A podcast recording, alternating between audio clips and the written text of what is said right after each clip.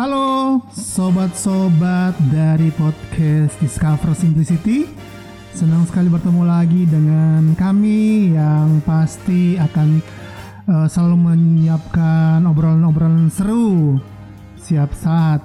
Pada saat ini uh, kami berdua di mana biasanya mungkin bertiga tapi kali ini hanya dua orang. Sayang sekali tidak bisa dilihat kami yang begitu tampan. Nah, memuji diri tidak apa-apa. Iya. bersama saya Novi ditemani oleh sahabat saya. Saya Karel. Nah kebetulan kita berdua ini adalah bapak-bapak yang masih muda gitu kan? Yang muda pastinya. Nah mungkin ini pas banget di bulan Desember. Kami akan membahas soal bagaimana mungkin pengalaman-pengalaman atau hal-hal yang berhubungan dengan Natal. Ya mungkin dari saat kita masih single mungkin sampai saat ini. Mungkin saya mau tanya dikit dulu nih ke uh, sobat saya Pak Karel. Nah Pak mungkin bisa share dikit lah ya bagi-bagi dikit. Uh, gimana sih pengalaman waktu Natalan waktu masih single masih single dulu? Oke. Okay pengalaman Natal waktu single memang beda sekali di kan pada saat kita sudah menikah gitu kan. Pengalaman Natal waktu single memang kita biasanya kita mempunyai kebiasaan atau ritual khusus keluarga gitu kan. Tiap malam Natal pasti kita berkumpul jam 12 teng mau nggak mau walaupun kita ngantuk berat juga harus dibangunin gitu kan sama orang tua dan pada saat itu juga memang kelihatan kebersamaan keluarga kita antara adik kakak sama orang tua kita berkumpul. Nah itu momen yang menurut menurut saya gitu kan pada saat pada saat saya masih single memang momen-momen yang sampai saat ini masih teringat gitu kan. Itu momen-momen indah lah gitu ya. Apalagi uh, momen indah ini kalau saya flashback flashback kembali ke masa lalu gitu kan masih kita masih berkumpul lengkap gitu kan. Mama ma, almarhum mama papa terus kakak saya masih oh masih single semua. Kita berkumpul di situ kita uh, bercandaria gitu kan. Apa namanya? Menceritakan menceritakan satu dengan yang lain. Maksudnya uh, kita berbagi sukacita di malam Natal itu sih. Kita kalau mungkin dari saya sih seperti ini jadi kalau bisa dikatakan bahwa masa muda aci ya, masa muda kita kan masih muda gitu ya. kan. Nah jadi uh, saya jadi berasal karena mungkin anak perantauan, saya berasal dari Manado. Nah jadi waktu saya masih kira-kira SMA sampai awal-awal saya sempat kerja itu masih di Manado. Jadi biasanya kalau kebetulan di Manado uh, keluarga besar di sana, nah biasanya kita kalau pas mau malam-malam Natal itu biasanya akan uh, biasanya akan ke gereja bareng baru habis itu pulang ke rumah ya makan gitu kan. Dan udah pasti uh, hal itu terjadi. Nah tapi pas saat saya tahun 2000-an saya ke Jakarta uh, di awal-awal saya sempat tinggal bareng-bareng kakak saya. Dan biasanya kita akan malam Natal itu akan ke gereja bareng. Uh, ya pulang besoknya juga kita akan keluar bareng. Nah, tapi pada saat saya ngekos, nah itu jadi lebih apa namanya ya, uh, lebih mandiri akhirnya lebih muncul individual. Mungkin yeah. itu yang terjadi kan uh, kalau kita sebagai anak-anak kos. Nah, biasanya kita akan ya udahlah uh, kita jalan sendiri, kita mau ke gereja sendiri yeah. ataupun yeah. kalau udah males karena hujan nah biasanya yeah, udah di di kosan aja gitu kan yeah. nonton TV segala macam nah itu tapi satu hal yang saya uh, saya tahu bahwa yang pasti hal terpenting yang yang saya lihat bahwa Natal itu identik dengan yang namanya kita harus uh, ada fellowship dengan Tuhan, kita harus datang ke Tuhan gitu kan. Uh, nah itu kan masih masih single gitu kan Pak. Nah kalau Pak Karel gimana Pak? Pas ini kan masih single kan ya. Yeah. Nah kalau semua udah merit gimana Pak? Ada perubahan nggak atau ya. gimana gitu kan? Perubahannya tuh memang sangat beda banget gitu kan. Perbandingan antara waktu masih single sama sekarang. uh, waktu masih single aja, memang waktu di saat malam Natal itu biasa yang pimpin doa pasti papa saya gitu kan. Nah pertama saya masuk tahun pertama Natal pertama bersama istri di situ baru saya merasakan fungsinya seorang bapak gitu kan seorang seorang suami gitu kan. Di situ saya menjadi uh, apa namanya mimpin doa di malam Natal. Oh ternyata seperti ini. Nah dan dan di situ juga uh, saya bawa bawa di malam Natal uh, di malam Natal bersama sama keluarga kecil kami gitu kan. Saya istri saya dan kedua anak saya. Puji nama Tuhan kita kita tuh menjadi contoh uh, buat buat keluarga kami yang ada. Soalnya saya sekarang tinggal di di area dekat rumah orang tua mertua saya gitu kan. Di situ kan bahkan kita mengajak mereka untuk berdoa bersama-sama gitu kan. Yang mungkin pada saat yang terbi ke, kebiasaannya sih biasanya sih uh, keluarga dari istri kami hanya uh, istri saya hanya hanya hanya kumpul-kumpul aja gitu kan. Hmm. Tapi di pada saat momen malam Natal kita yuk kita ajak berdoa bareng-bareng gitu kan. Memang pada saat itu saya juga uh, mempunyai apa namanya merasakan atmosfer tersendiri gitu kan. Uh, pada saat saya masih single dan pada saat saya udah menikah gitu kan. Jadi seperti ada perbedaan sendiri maksudnya ada uh, suasana sesua, suasana yang baru gitu kan yang dulu saya nggak pernah merasakan seperti ini karena karena uh, hari berganti hari kan kita tuh merasa uh, apa namanya umur bertambah kan. Nah di situ kan kita merasa merasa dewasa kita kedewasaan kita tuh merasa bertumbuh di situ kan. Mungkin dari Panopi gimana tuh? Kalau dari saya mungkin ya apa namanya uh, kan saya dibilang jadi maksudnya saat eh, masa-masa uh, saya uh, sebelum saya kerja kemudian di ada di dua kota berbeda di dua uh, atmosfer atau dua culture yang berbeda. Waktu saya masih di uh, kota asal saya baru di Jakarta. Tapi yang mungkin perbedaan uh, paling mencolok adalah saat uh, sebelum saya nikah ya seperti yang di, dikatakan tadi bahwa kita bisa sangat-sangat bersifat individualistis, sangat bisa uh, bersifat egois. Jadi apa pun yang kita lakukan ya terserah kita. Tapi yeah.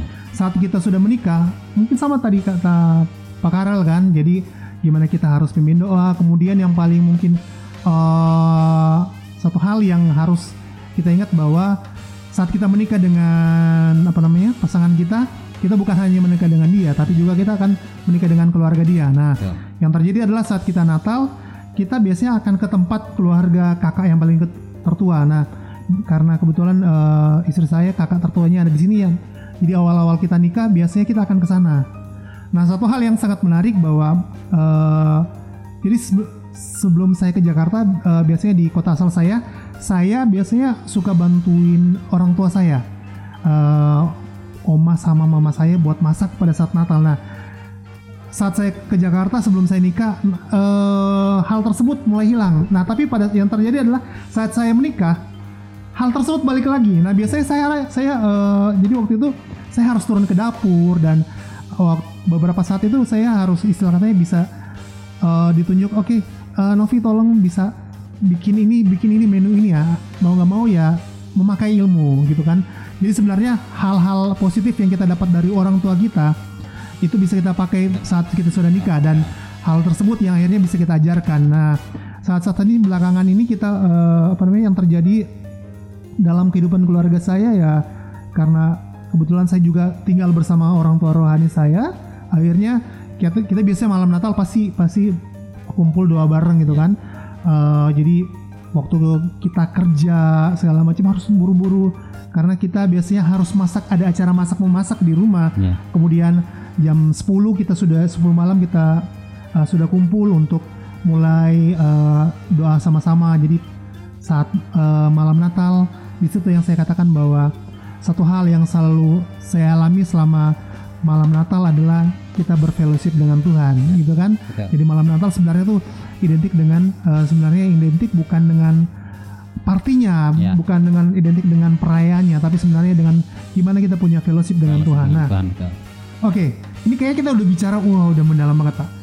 Nah mungkin dari Pak Karel apa hal ya uh, gini, mungkin mumpung ibu-ibu kita tidak ada gitu kan, ya, ya. apa hal yang mungkin paling memalukan yang pernah terjadi saat Natal ya entah mungkin eh, sebelum nikah atau mungkin sesudah nikah mungkin apa hal Hal-hal. hal aneh atau hal terkonyol yang Hal-hal pernah lucu ya? pernah pernah dilakukan itu kan hal-hal lucu ya boleh boleh. Apa ya? Lucu konyol ya.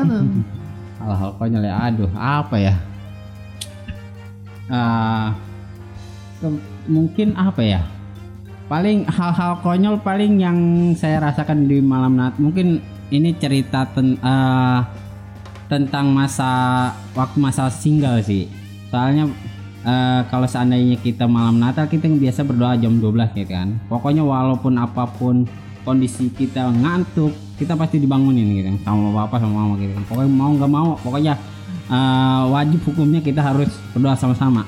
Nah momen-momen konyol itu yang kami rasakan yang intinya yang kita tunjuk kita tunjukkan ekspresi konyol kita tuh saya dengan adik saya yang yang kecil yang eh, yang perempuan kan.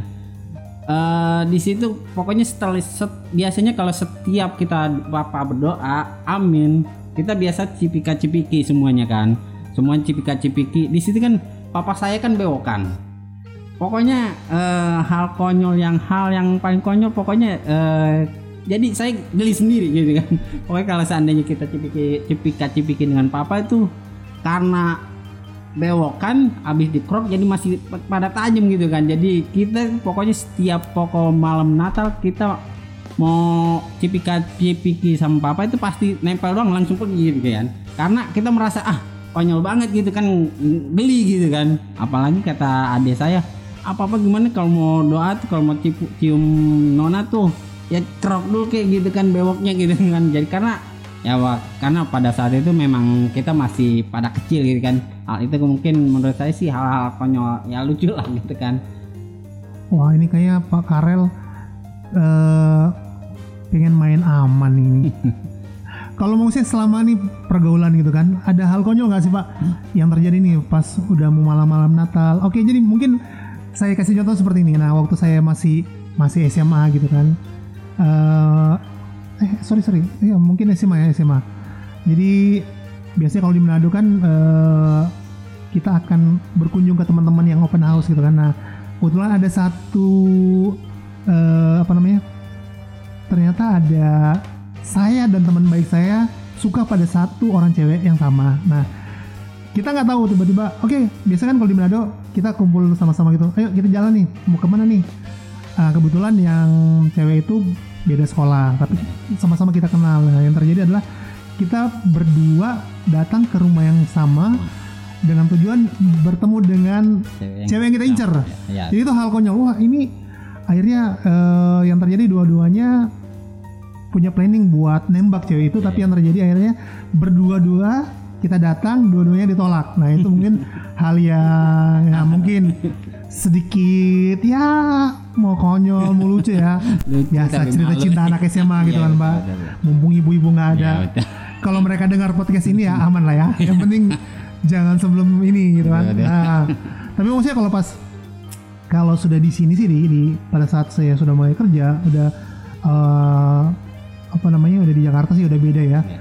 biasanya kalau eh, tapi sih sebenarnya gini ada satu hal yang paling paling membekas saat pertama kali saya datang Jakarta. Pertama kali saya dat- datang Jakarta saya langsung kebetulan eh, saya di, dipercayakan Tuhan untuk ada satu pelayanan. Jadi eh, masuk di tim Prince and Worship kebetulan di apa namanya Istora Senayan. Setelah itu yang terjadi adalah eh, hadiah Natal dan Tahun Baru terkeren yang pernah ada saya masuk rumah sakit. Wah, jadi dua hari setelah Natalan itu saya masuk rumah sakit Opnam. Saya ingat banget itu ya? eh, masuk rumah sakitnya di, di apa namanya di rumah sakit Saint Carolus. Hmm. jadi saya Natal ya, ya tanggal 27 saya masuk keluarnya tanggal 2 2 Dese- eh, Jan- 2 Januari. Waduh. jadi itu kena demam berdarah. Eh, lumayan kan. Jadi saya sudah merasakan bagaimana eh, masih Natal kemudian tahun baru Tahun di baru rumah, sakit, Waduh. itu keren kan? luar biasa. Luar biasa itu kan. Nah mungkin eh, dari Pak Karel gimana sekarang? Eh, apa namanya? Mungkin ada ada pesan-pesan nggak mungkin buat teman-teman gitu kan? Buat adik-adik ya? Mungkin karena kita sudah merit Eh. mungkin bisa dikatakan ada adik-adik mungkin uh, bapak ibu gitu kan nah bagaimana sih sebenarnya mau merayakan Natal yang yang enak gitu kan yang paling keren gimana sih pak supaya merayakan Natal itu Kalau menurut saya sih kalau merayakan Natal itu yang paling keren gitu kan. Eh, menurut saya sih kita kumpul kita kumpul sekeluarga aja udah menurut saya sih udah paling keren banget gitu kan. Karena eh, kita dikasih kesehatan, dikasih umur sampai dari bulan Desember yang tahun lalu sampai bulan Desember tahun sekarang gitu. Itu hal-hal yang luar biasa mungkin menurut saya itu. Karena nggak nggak nggak apalagi saat ini masa-masa pandemi seperti ini masa-masa kekhawatiran kan ketakutan hal yang luar biasa itu kita bisa sampai saat ini tuh dengan tidak kurang satu apa pun itu hal yang luar biasa menurut saya gitu kan hal paling keren di Natal ini gitu kita ada saat ini dengan sehat kuat berkumpul dengan keluarga gitu kan mungkin itu sih. Ya kalau buat pesen-pesen saya sih buat adik-adik yang di luar sana untuk merayakan Natal. Karena saya pernah gitu kan waktu masa-masa muda masa single asal sekarang udah tua ya pak? Ya. masih muda ya? Cover masih muda lah tapi KTP nggak bisa dibohongin. Tapi eh, eh, di sini pengalaman saya di saat masih single setiap malam Natal gitu kan teman-teman teman-teman saya gitu teman-teman pergaulan selalu menagih janji gitu menagih janji. Tapi kan kita kan tidak ya dalam hati saya sih hati saya sih nggak mau nggak mau merusak masa eh, malam Natal itu dengan momen-momen hal-hal yang negatif gitu kan. Tapi kita kita makanya dulu dulu dulu sih saya selalu asal malam Natal saya nggak mau keluar gitu kan karena nggak mau ditagi janji-janji yang ya ingin apa namanya diajakin main-main yang hal-hal yang negatif. Itu buat anak-anak apa namanya anak-anak muda sekarang gitu kan. Kebanyakan kan kita ya kita nggak bisa tutup mata soalnya. Di luar sana kalau malam Natal udah pasti kan partinya yang negatif. Ya kita kita yuk kita ajak kita party party yang party party yang hepan hepan aja yang positif aja gitu kan. Wah party itu party party ya, Masa? ya apalagi kalau masa anak-anak muda kan bahasanya party gitu kan. Ya mungkin coba dari Pak Novi gimana tuh? Kalau dari saya sih mungkin eh, dari yang obrolan kita berdua sih ada satu yang bisa saya tarik kesimpulan seperti ini. Sebenarnya eh, ada saat-saat di mana kita bisa Natal itu identik dengan namanya kita have fun, kita bisa party-party, kita bisa senang-senang di luar. Ya.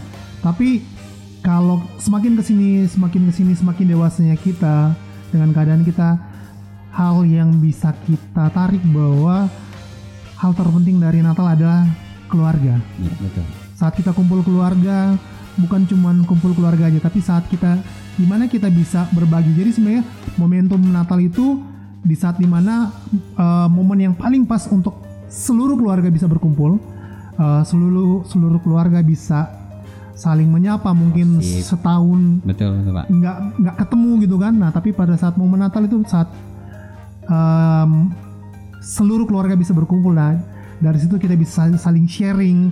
Nah sebenarnya sih kalau kita tarik lagi lebih lebih kerennya ada gini.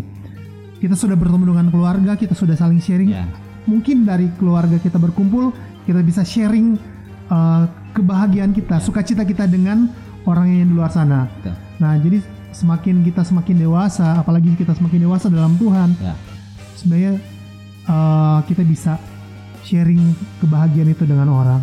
Mungkin gini, closing statement dari Pak Pak Karel. Lebih enak manjat, tapi ini uh, jawaban plus harus ada penjelasan ya. ya Pilih mana?